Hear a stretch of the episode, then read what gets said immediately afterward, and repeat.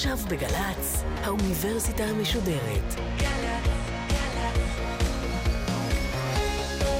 מה שקורה עכשיו.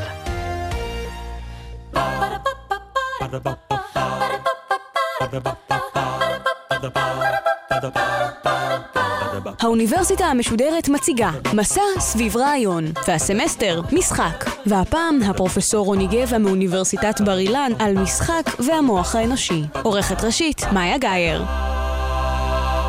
אחד, שתיים, שלוש, ארבע, חמש, שש, שבע, שמונה, תשע, עשר, התחלתם לשנות את הגבלוח.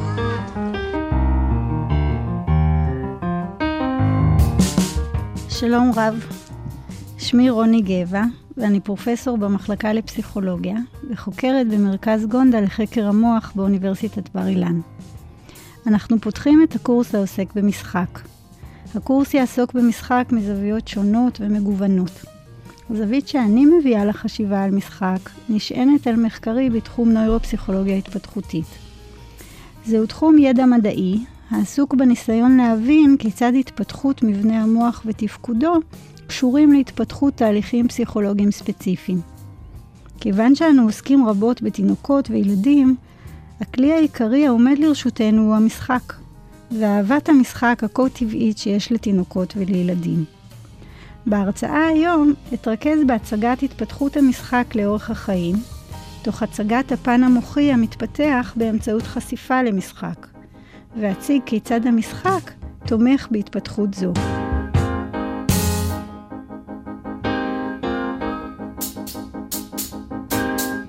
משחק הינו חלק מחיי כולנו.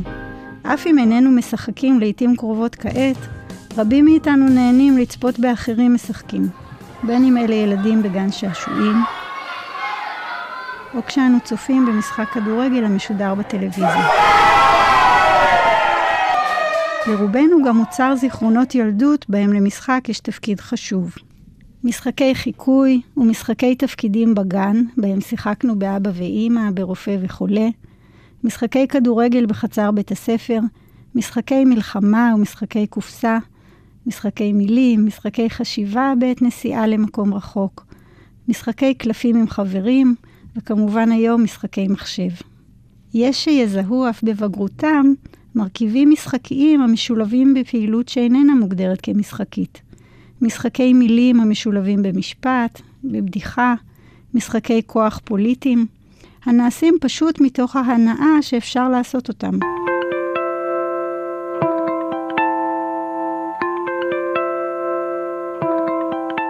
אם כן, המשחק מלווה אותנו לאורך כל חיינו. המושג משחק, מושג רחב הוא, וחובק מגוון רחב של פעילויות. כשהמכנה המשותף לרובם הוא פעילות שנעשית פשוט מתוך רצון להפיק הנאה וסיפוק מעצם הפעילות המשחקית עצמה, ולא בהכרח מתוך מוטיבציה להשיג מטרה במציאות מחוץ להקשר המשחקי. אם כן, מדוע אנחנו משחקים?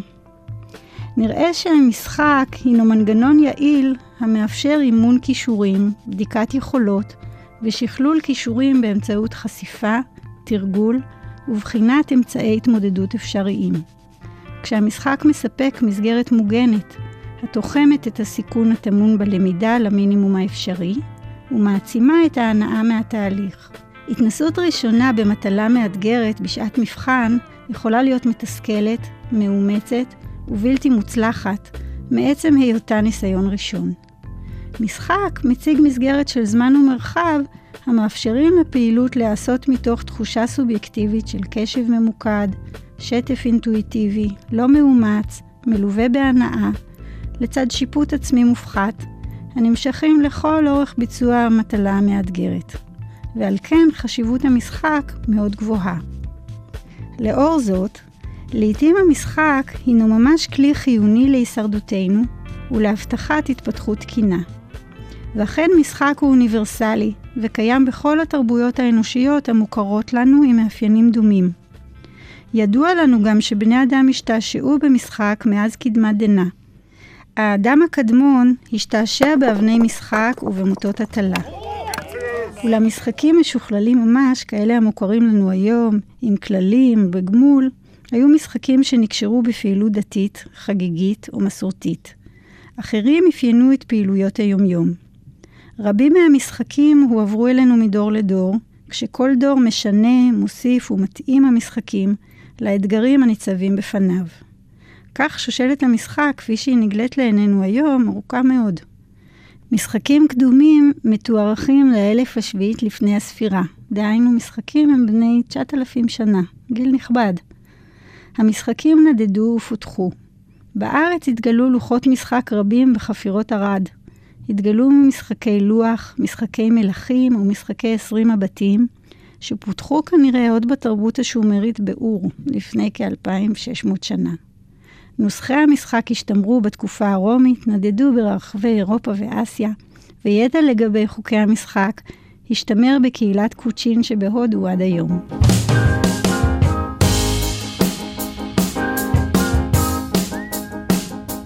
מחקר המשחק העתיק חוקר נושאים אלה. ממנו עולה שהמשחק ליווה את האדם הן בחיי היומיום והן כמרכיב באירועי חג המציינים פתיחה של תקופה או לציון הישג ויכולת חדשים. כך בכל התרבויות האנושיות המוכרות לנו. אם נרחיב ההתבוננות בכדור הארץ, נבחין שאיננו היחידים המשחקים. נראה שהיכולת והרצון לשחק נשענות גם על מורשת אבולוציונית ענפה, לה שותפים מכרסמים ויונקים המתרגלים התנהגויות באמצעות משחק. רבים ודאי מכירים מהתבוננות בחיות המחמד בביתם, השתעשעות וחטיפת כדור צמר זה מזה של גורי חתולים, קרב והאבקות משחקי של גורי כלבים. התנהגויות דומות נצפות גם בקרב חיות בר החשופות פחות לבני אדם. דובוני פולר צעירים משחקים תופסת זה עם זה. לוויתני אורקה קופצים יחד, כמו נבחרת ספורטיבית מאומנת היטב באולימפיאדה. הפעילויות המשחקיות הללו יכולות להיות אינטנסיביות מאוד וכרוכות בכוח רב. כוח זה מופעל תוך כדי התגוששות, ריצה, נפילה, חבטה. כיוון שהן נעשות במסגרת משחק, הן מסתיימות לרוב בלא כל פגע למשתתפים.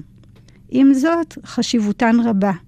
שכן אותן פעילויות עצמן, אותה התגוששות, ריצה, נפילה, חבטה וצליחת מכשולים, מחייבות התנהגויות הנחוצות לגור מאוד בצעירותו כדי לשפר את שרידותו, וכן להכנתו לתפקידיו כבוגר. אם כן, למשחק האנושי יש אח ורע במשחקם של יונקים אחרים. אך ישנם מאפיינים חשובים, ייחודיים למשחק האנושי. המשחק ייחודי כנראה אצל האדם ברב גוניותו ובהתמדתנו בו, שכן המשחק מלווה את התפתחות האדם מלידתו לאורך כל חייו. הוא מבוטא בדרכים שונות ומגוונות. הנחת העבודה הכללית היא שהיוזמים משחק, משתתפים בו, מגוונים את פעולותיהם בו ומתמידים במשחק, משכללים את יכולותיהם הקוגניטיביות, מעריכים את היכולת להשתמש בהן, ומטיבים לשמר רמת תפקוד גבוהה יותר ואיכות חיים טובה יותר מהילדות, בעת הבגרות ועמוק לתוך גיל הזהב.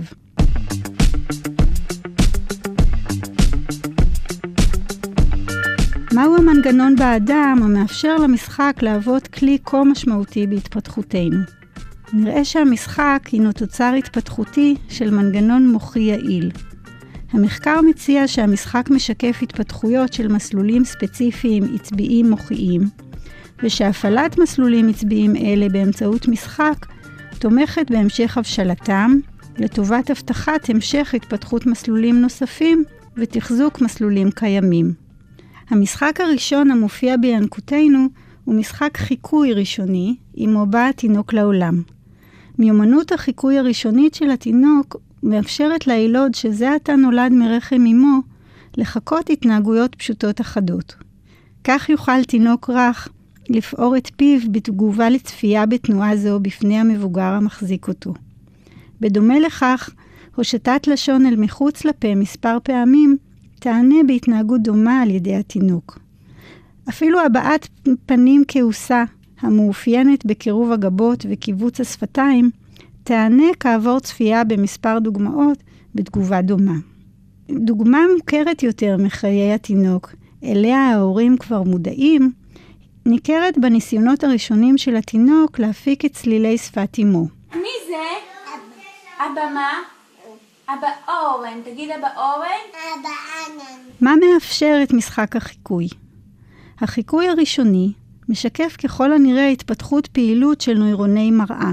רשת נוירונים זו, שהתגלתה לראשונה בשנות ה-80 וה-90 על ידי קבוצת חוקרים מאוניברסיטת פארמה, נתפסת כחשובה לאור תפקידה המרכזי לאפשר למידה מניסיונם של אחרים. ישנן שתי רשתות נוירוני מראה. האחת רגישה למידע רגשי, ממוקדת באינסולה, והשנייה ממוקדת בחלקה הקדמי של העונה הקודקודית וברצועה הקדם-מוטורית. נוירוני המראה פועלים כשאנו מתבוננים באחרים. פעילותם מאפשרת לצופה להבין מה חש אדם בו אנו מתבוננים, מבלי שנאלץ לבצע את הפעולה בעצמנו באותו זמן. נראה שרשת זו תומכת ביכולת לקשור חוויה חושית עם תבניות תנועה. חוקרים מציעים שבדרך זו, באמצעות שימוש ברשת נוירוני המראה, מתאפשרת הפקת תנועות של התנהגויות חיקוי על בסיס צפייה באחרים. המדהים הוא שניצנים ראשונים להתנהגות חיקוי אנו יכולים לשקף כבר עם לידתנו. בהמשך תשמש רשת זו להתפתחות היכולת להזדהות עם אחרים וללמוד מדמויות שהן מודל לחיקוי. הורים, אחים, מורה, חבר לכיתה. למעשה נראה שתשתית נוירולוגית זו, לה יש ביטוי התנהגותי משחקי אצל תינוקות בני יומם, תשרת את האדם לאורך כל חייו. גם כשיצפה בבגרותו, למשל במשחק כדורגל בטלוויזיה, ויזדהה באמצעות פעילות נוירוני המראה עם בעיטה מוצלחת במיוחד של מסי. מסי, מסי, סולו, מסי, אם כך נראה שניצני המשחקיות מתאפשרים לנו כבר עם לידתנו, ומאפשרות ליילוד מנגנון למידה יעיל, ולנו המבוגרים המטפלים ברך הנולד, הקולטים שהתינוק מחקה את התנהגותנו, מספקת התנהגות זו תחושת הערכה ליכולות התינוק, מין חוויית מי גאון של אימא. כמו גם תחושת סיפוק והנאה שתורמת לחיזוק הקשר של המבוגר עם התינוק ולהתעצמותו. חוויה נעימה זו של משחק משותף, המתרחש למעשה כבר בימיו הראשונים של התינוק, אף שלרוב איננו מודעים לה, מחזקת את הסבירות שנטפל היטב בתינוק ונדאג לכל צרכיו. על כן למשחק, במיוחד בראשית ההתפתחות, יש ערך הישרדותי.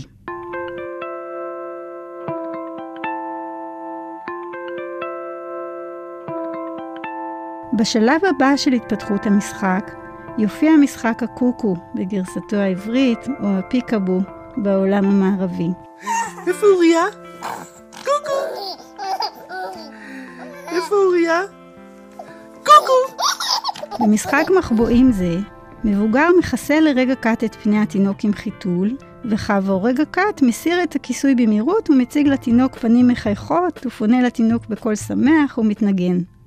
התינוק מגיב בצחוק המעודד את המבוגר לחזור על פעילותו שוב ושוב, כיסוי, גילוי, כיסוי, גילוי. בהמשך ילמד התינוק לכסות את פניו בעצמו, ולהציג את אותן פנים מחייכות למבוגר כשיחשוף את פניו. הנאה מהמשחק הזה משקפת צעדים ראשונים בשתי יכולות קוגניטיביות מרכזיות בחשיבותן. הראשונה, התפתחות היכולת לזכור, לזכור לטווח קצר, בהתחלה לשבריר שנייה.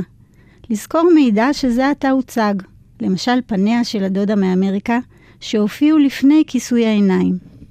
והשנייה, התפתחות היכולת לחכות. אף היא בהתחלה קצרת טווח מאוד, שניות ספורות. לחכות לרגע עד שיוסר הכיסוי, ולזכור בינתיים מי מצפה שם מעברו השני. שתיהן יחד מאפשרות לתינוק לחוש הנאה כבר בשלב ההמתנה, בעוד פניו מסתתרות מתחת לכיסוי. הנאתו נובעת מהיכולת לדמות מידע שאינו נגיש ולא ניתן לראותו, ולחוות לראשונה הנאה מהיכולת לנבא, לחזות את הצפוי להיות בעוד רגע קט. זהו מרכיב מרכזי בהתפתחות היכולת להבין רצף אירועים, לקשור סיבה לתוצאה, להתחיל להבין מה יציב בחיינו ומה צפוי להשתנות. מיומנויות חשובות אלה, שהתפתחותן מתרחשת כבר בחודשים הראשונים לחיים, ימשיכו ויבססו את התשתית הנדרשת כדי שנוכל לתכנן פעילויות. נוכל לתכנן על מנת להיטיב את התנהלותנו במציאות חיי היומיום. במשחק המחבואים בגיל הגן, אנו פוגשים התנהגות מורכבת יותר. כאן נדרש מן הילד להתאים את גופו למציאות בה משוחק המשחק, וכן לעכב תנועה במועד הנכון. דוגמה יפה לכך מוצגת בספר המוכר לכולנו, מצפתל, שכתבה חיה שנהב. יש לי רעיון. לחש האריה. נתחבא עד שיצא מצפתל מהבית שלו, ואז נראה מיהו. את תתחבאי מאחורי עץ גבוה, ואני מאחורי שיח רחב. התפתחות חשובה זו, הבאה לידי ביטוי במשחק מחבואים ראשוני, מתאפשרת באמצעות הבשלת מסלולי העצב המקשרים בין מערכת הזיכרון לבין האונה המצחית, המאפשרת יכולת להפעיל בקרה מעכבת, יכולת לחכות, לעכב תגובה כדי להשיג מטרה. יכולת זו מבשילה לאורך שנים רבות מאוד. למעשה מבשילה בבגרות, ויש הטוענים שבגיל העמידה. ככל שהיא מפותחת יותר, תתאפשר יכולת טובה יותר לעכב התנהגות לטובת מציאת פתרון טוב יותר, הנדרש במצבים מורכבים, והתאמת תגובה הולמת לזמן ולמקום שנמצא לנכון. ובכך שוב ישנה חשיבות למשחק המחייב עצירה, עיכוב תגובה, כמו זו הראשונית המאפיינת את משחק ההצצה בינקות. נוסחו הבוגר יותר, כמשחק המחבואים המוכר מילדותנו, מאפשר שכלול היכולות הנדרשות במשחק. מתי לעצור ולהתחבא, כמה זמן לעצור במחבוא, מתי נכון לרוץ לעבר המטרה. בכך מהווה משחק המחבואים את התשתית להבשלת היכולת לעכב תגובה כדי לשקול חלופות, ולהגיע לפתרון מיטבי הלוקח בחשבון שיקולים שונים ומטרות ארוכות טווח. המסלולים המוחיים המעורבים במשחק זה, ביונקים לפחות, כרוכים בהבשלת המערכת הנורדרינרגית, במיוחד הבשלת ההיפוקמפוס והמסלולים המקשרים בינו ובין האונה המצחית-צידית, ה-dorsolateral prefrontal cortex cingulate cortex. בשלב השלישי מתפתח המשחק הסמלי, symbolic play, הקרוי לעתים משחקי דמיון. אותו משחק בו ילדה מחזיקה בננה ליד אוזנה ומשוחחת בטלפון. חובשת מכסה סיר במקום כובע לראשה ומודיעה שהיא הולכת לעבודה. במשחק זה, עוגות יכולות בהחלט להיות עשויות מחול, אפשר לדהור על מטאטא, ואפשר לטייל על קירות כבספרו של גרוסמן. המשחק הסמלי הזה מהווה את הבסיס להתפתחות יכולת ההסמלה, יכולת המהווה את הבסיס להתפתחות היכולת התקשורתית-מילולית, ולהתפתחות היכולת לייצג מצבים שלא התרחשו עדיין במציאות כלל, ואפילו לחשוב על מצבים שאינם אפשריים במציאות. יכולת ההסמלה מתאפשרת על ידי התפתחות רשתות המקושרות לאזורים מוחיים אסוציאטיביים באונה הקודקודית ובאונה הצידית, ובהם תאים המקודדים מאפיינים דיסקרטיים דומים המופיעים באירועים שונים. כך צבע דומה, גודל או צליל יכולים להניע רשת אסוציאטיבית לפעולה, כזו המאפשרת לסבתא לבשל דייסה על כף היד, במשחק סבתא בשלה דייסה. המסלולים המוחיים המופעלים בעת המשחק מאפשרים לשפעל כישורים אסוציאטיביים אפשריים בין גירויים שונים, על פי תכונה משותפת אחת. במקרה הזה של סבתא בשלה דייסה, התנועה הסיבובית של בחישה בסיר מומרת לתנועת הסיבוב של האצבע על כף היד. בכך מתאפשרות מחשבות יצירתיות מגוונות, דמיוניות, שאינן כבולות למציאות. הרשתות העצביות המופעלות לתפעול המשחק הסמלי משקפות שכלול יכולת הזיכרון לטווח הארוך, המאפשר העלאת פרטים מאירועי חיים קודמים, ופיתוח יכולת המשגה המתאפשרת באמצעות התפתחות הרשת העצבית השפתית, החיונית לתקשורת, תוך הישענות על מערכות נוספות כמובן, ובכלל כך האזורים הקורטיקליים הראשונים שמקודדים מידע חושי, מערכת נוירוני המראה והרצועה הקדם-מוטורית שהזכרנו אותם קודם, וקישור למסלולים למערכת הלימבית המאפשרת את חוויית ההנאה מהמשחק. המשחק המתפתח נשען על מערכות קשרים נוירונליים המתהוות ומתבססות עוד מהשלבים הקודמים של המשחק ומשתכללות בהמשכו. אם כן, המשחק הסמלי הינו אבן יסוד בהתפתחות היכולת לחשוב על, ולפעול בהתאם, מבלי לחוות את הדברים הלכה למעשה כאן ועכשיו. השלב הבא בהתפתחות המשחק נשען על קודמיו. כעת התאפשרו משחקי התפקידים, role playing. משחקי התפקידים מאפשרים התנסות עם מציאת פתרונות בתנאי קיצון של יתר או חסר, או תנאי חוסר התאמה, מבלי להצטרך לחוות אותם במציאות. משחקים אלה של משחקי תפקידים מתאפשרים באמצעות התפתחות הרשת העצבית שתומכת בתפקוד חברתי, והתפתחות היכולת לחוש ולבטא אמפתיה לזולת. על כן הם מהווים נקודת ציון חשובה ביכולת של הילד לפתח יכולות חברתיות ולפתור בעיות תוך התחשבות בנורמות חברתיות. הנסיכה מצופה להיות רגישה יותר מהעצמי. רגישה עד כדי כך שתתקשה לישון בלילה בגלל גרגר אפונה הטמון עמוק בהר מזרונים. הילדה או הילד המשחקים יוכלו להיות הנסיך או הנסיכה על העדשה, גם בעת שכיבה על מרצפות הבית, ללא כל מזרון.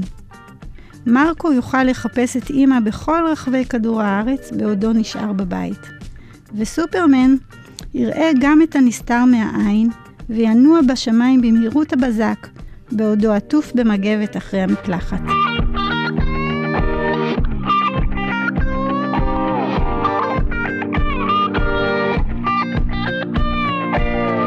האמפתיה לאחר המתפתחת באמצעות משחקים אלה, מאפשרת תרגול פתרון בעיות מתוך הכרת הכוחות הייחודיים של האחר, וכן הכרת חולשותיו.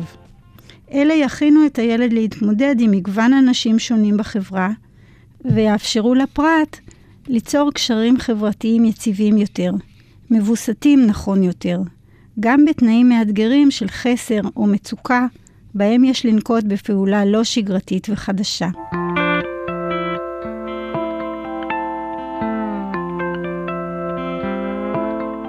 השלבים הבאים מתרחשים בגילאי בית ספר.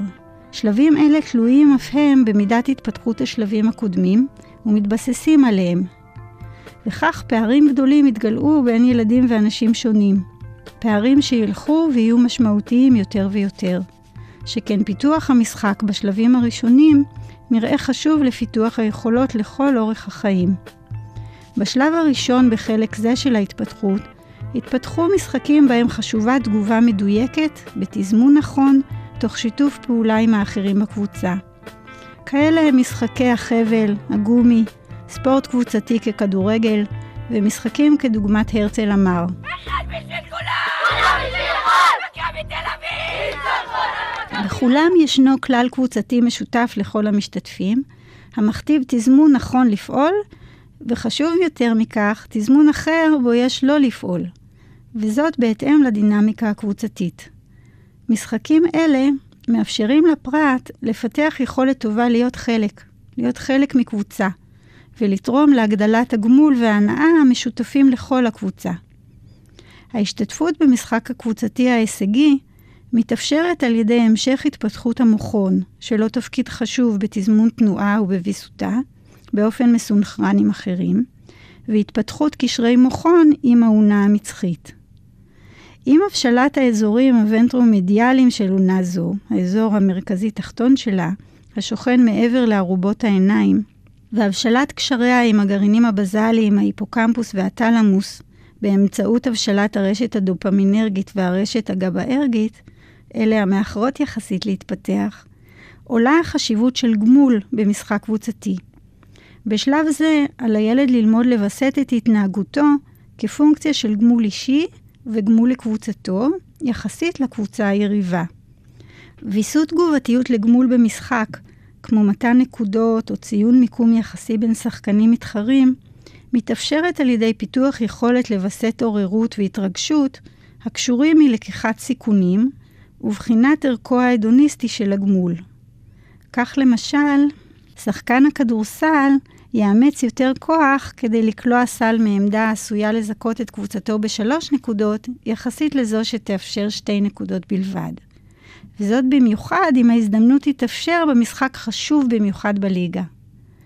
ההנאה בעת המשחק מושגת מקבלת יותר נקודות, אף אם תחשבו על זה, אין לנקודות ערך בעולם מחוץ למסגרת המשחקית. דוגמה טובה לדיסוננס בין הנאה ממשחק בעל חוקים כדי להפיק גמול במסגרת המשחק, ובין היכולת לשמור על חוקים ולהפיק גמול במציאות, אפשר לשמוע בפרסומת הבאה. תוכה. אוקיי, טאקי כחול, ארבע, תשע, מלך פלוס שתיים, ניצחתי. אני תוכי בן תוכים, לקחתי את הקופה.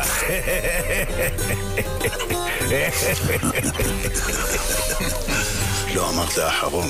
התנסות במשחק קבוצתי הכולל גמול תאפשר התפתחות מנגנון שימתן את הדחף לזכות בגמול מהיר ללא מאמץ, לטובת שיתוף פעולה עם חברי הקבוצה, וזאת כדי להשיג הצלחה לאורך זמן באמצעות שיתוף כוחות. אלה יאפשרו לשחקן לחוש שיש לו חלק מלא במשחק, גם אם הינו שחקן ספסל, ויאפשרו לשחקן באמצע התקפה למסור כדור לחבר חדש בקבוצה כדי לשתפו במשחק, אף אם יגדיל בכך את הסיכון להפסד במשחק הנוכחי, לטובת חיזוק הקבוצה בטווח הארוך. השלב הבוגר והבשל ביותר של התפתחות היכולת המשחקית הינו שלב שלצערי אינו מספיק להתפתח אצל כולם. זהו שלב התלוי במיוחד בחשיפה ובהתמחות. זאתי היכולת למשחק אסטרטגי מורכב. משחק הלוקח בחשבון גורמים רבים ואי-ודאות למען השגת מטרה ארוכת טווח. משחק זה, כמו השתתפות בליגת שחמט בלי לחשוף אסטרטגיות מוקדם מדי, או השתתפות במשחק דיגיטלי רב-משתתפים בעלי מטרות שונות, מאמנת ומאפשרת חשיבה אסטרטגית הכוללת התייחסות לחברי הקבוצה. שלב זה נתמך על ידי השתכללות יכולת האינטגרציה של מפות קוגניטיביות דינמיות המשתנות בזמן. לשם כך נדרשים כישורים עשירים בין אזורים בקליפת המוח הימנית לשמאלית, בעיקר אזורי הצומת המפגישה את האונה העורפית עם הקודקודית והצידית, ואזורים הומולוגיים בצד השמאלי. המערכת העצבית עמלה במשחק זה לערוך אינטגרציה בזמן אמיתי של כל מקורות המידע בסדר הנכון, למען מטרה ארוכת טווח, התלויה הן בחישובי השלכת הצלחות, והן בחישוב נכון של השלכת ההפסדים, וזאת בכל שלב במשחק. גם בגיל השלישי, לעת זקנה, אנחנו ממשיכים לשחק. G53, G53. I heard bingo.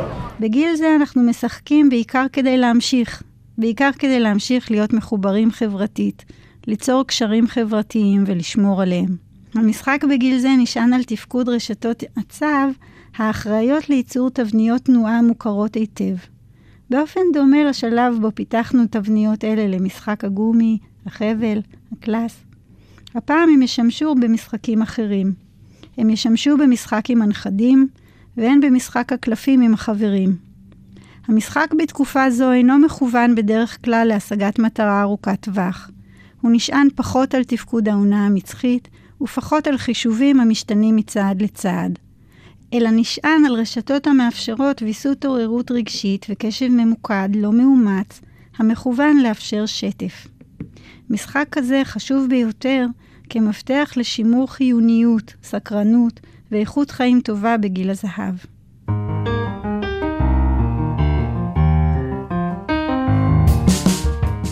אם כן, שלבו משחק בחייכם, במתינות, בהנאה. אם היריב ראוי, ייתכן שתפסידו לעתים, אך תלמדו ותרוויחו במה שבאמת חשוב, במה שיכול להשפיע על איכות חייכם.